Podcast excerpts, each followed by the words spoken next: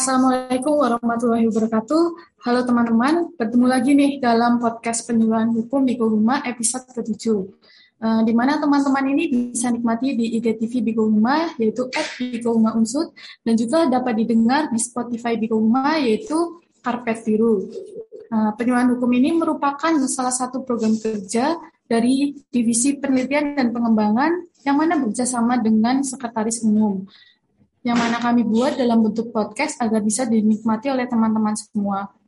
Sebelumnya, perkenalkan nama saya Amanda Caya Pramudita, saya anggota Bigo Huma Angkatan 26 yang berposisi sebagai Ketua Divisi Pidana dan juga Berdata. Eh, dan pada kali ini, saya ditemani oleh dua narasumber yang tidak kalah keren dari episode sebelumnya, yaitu ada Kak Panuku dan Kak Firda. Sebelum kita berdiskusi lebih lanjut, Silahkan kepada Papanku dan Kak Firda untuk memperkenalkan dirinya. Ya, halo teman-teman. Kenalkan aku Panugu, Papahan. Aku dari Eva Unsur Angkatan 2018.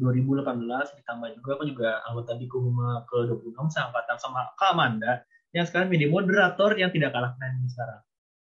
Ditambah aku juga anggota divisi HK. Salam kenal.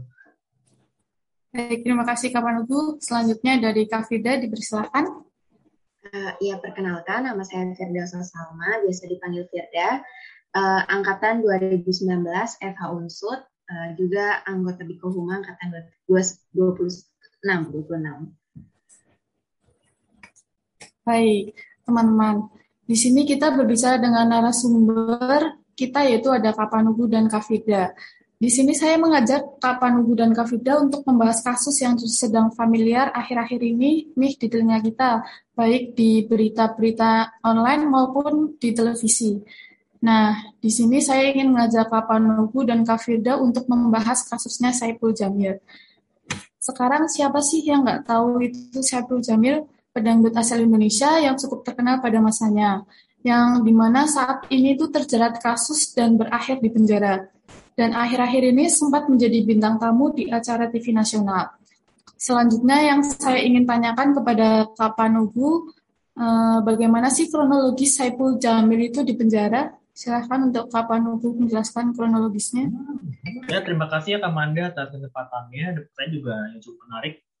Mungkin di sini aku bisa sedikit merefresh sedikit kenapa Saipul Jamil bisa sampai di penjara.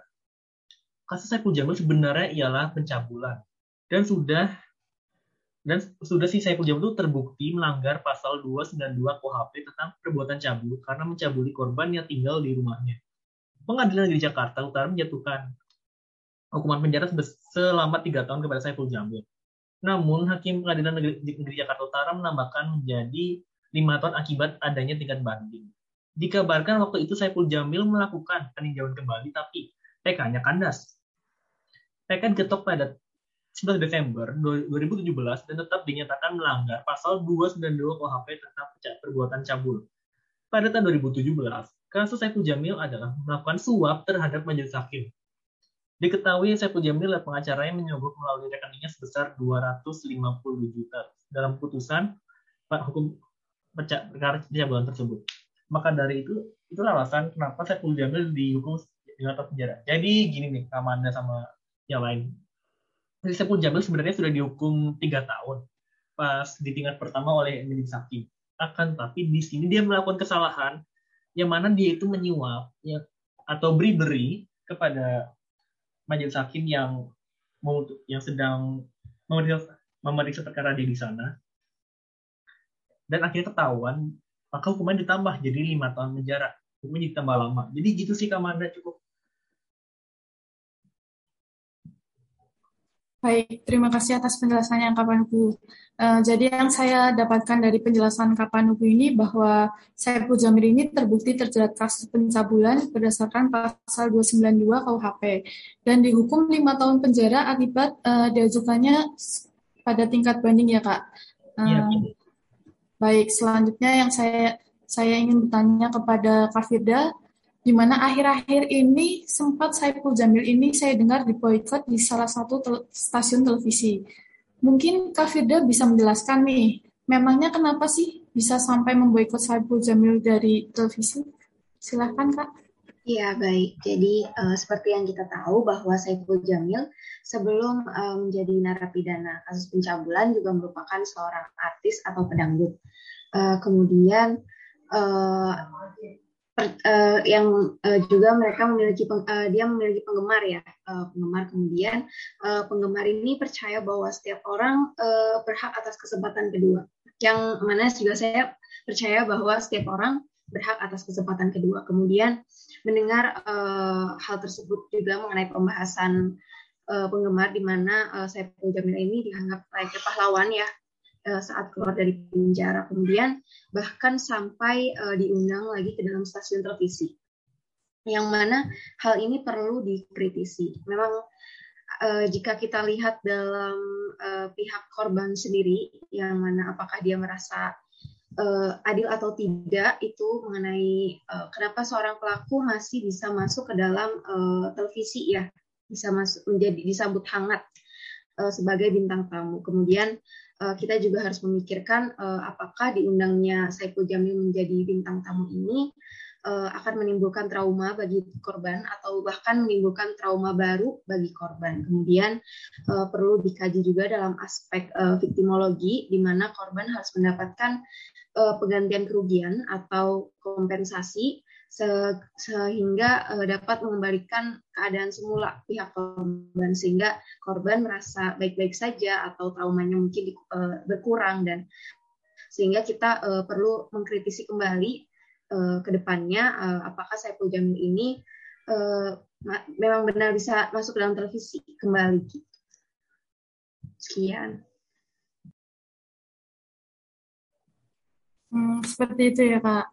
Terima kasih atas penjelasannya. Jadi yang saya bisa ambil dari penjelasan Kak Frida ini, yaitu ketika stasiun televisi akan mengundang bintang tamu, yang mana ya ini merupakan mantan narapidana, seharusnya dapat mempertimbangkan terlebih dahulu dari berbagai sudut ya Kak. Baik dari korban dan dampaknya, dampak ke depannya. Seperti itu ya Kak. Uh, selanjutnya, saya kembali lagi beralih kepada narasumber Kapanugu uh, yang saya ingin tanyakan kembali nih kepada Kapan Uh, eh, bagaimana sih KPI itu menanggapi hal tersebut? Hmm.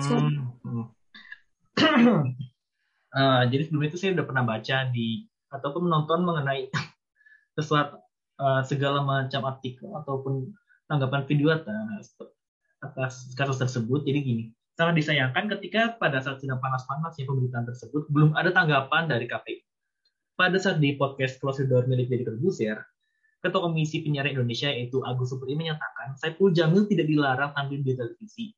Hal ini sesuai dengan surat edaran yang dilayangkan KPI kepada stasiun penyiaran TV di Indonesia. Hanya saja menurut Agung, konteks Saiful Jamil tampil di televisi khusus untuk edukasi misalnya sam dia tampil sebagai narasumber yang memberikan terang tentang bahayanya predator seksual. Saiful Jamil bisa tampil untuk kepentingan edukasi. Misalnya dia hadir sebagai sumber. Kayak tadi, bisa jelaskan tadi. KPI tegas, Abu hanya mengecam glorifikasi terhadap Saiful Jamil yang ditunjukkan oleh stasiun televisi tadi. Hal ini pula yang membuat KPI melarang Saiful Jamil tampil dalam konteks hiburan. Agung menyebutkan kasus Saiful Jamil tidak bisa disamakan dengan kasus artis yang terkena narkoba. Oleh sebab itu, berbagai pertimbangan mulai dari hak asasi manusia, etika, hingga hukum harus menjadi bahan pertimbangan KPI dalam mengambil keputusan tersebut. Di sini saya kutip dari perkataannya Agung, kita ini ribut antara HAM, etika, dan hukumnya juga. Ini kita debat kencang antara di komisioner, di komisioner KPI tentang Saiful Jamil. Kan ada HAM-nya. Gimana? Sementara TV adalah ruang publik akhirnya, kita buat surat, kita kecam glorifikasi saja. Tega, uh, terus Alhasil, keputusan yang diambil KPI adalah mengecam glorifikasi terhadap Saiful Jamil. Agung menambahkan keputusan ini sempat dikecam pegiat HAM karena bagaimanapun televisi adalah ruang Saiful Jamil untuk mencari nafkah. Ini lawannya adalah etika, kepatutan itu, dan kita singkirkan HAM-nya sementara. Saiful Jamil tetap boleh tampil, bukan nggak boleh tampil sama sekali, tapi boleh tampil dalam konteks edukasi. Uh, itu yang ditegaskan sama Agung tadi.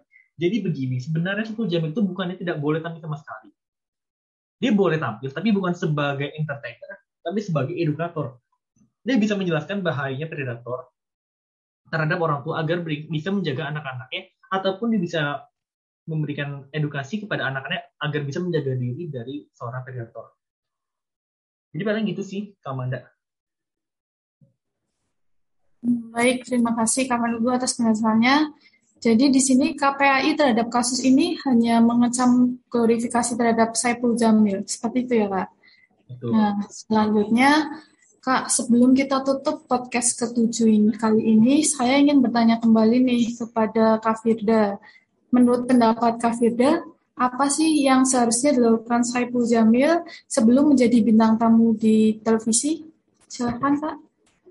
Uh, iya baik. Uh, yang harus dilakukan oleh Saiful Jamil agar uh, bisa menjadi uh, kembali menjadi bisa menjadi bintang tamu ya di acara televisi itu. Kalau dikaji dari ilmu viktimologi tentunya uh, seperti yang sudah diungkapkan bahwa korban di sini uh, perlu ya uh, kebutuhan terhadap kompensasi di mana korban ini uh, membutuhkan uh, untuk mendapat ganti kerugian akibat uh, kerugian atau penderitaan yang dialami akibat viktimisasi yang dideritanya. Kemudian pemberian uh, ganti rugi atau kompensasi ini uh, jika berdasar pada pendapat Saplan ini memiliki nilai praktis dan simbolik. Nah, nilai praktis di sini adalah uh, bantuan finansial yang diterima oleh korban yang dapat dipergunakan untuk memperbaiki kerusakan atau kerugian yang dialami. Kemudian untuk nilai simbolik di sini artinya korban diakui sebagai pihak yang mengalami kerugian atau penderitaan. Dan apabila pelaku membayar ganti kerugian, itu harus juga mengakui uh, tanggung jawab pelaku atas kerugian tersebut. Sehingga uh, bisa dibilang bahwa Saiful Jamil uh, jika ingin masuk kembali ke dalam televisi, itu harus menunjukkan uh, tanggung jawab penuh uh, sebagai pelaku terhadap korban. Sekian, terima kasih. Terima kasih atas penjelasannya pada podcast kali ini untuk Kapanuku dan Kak Firda.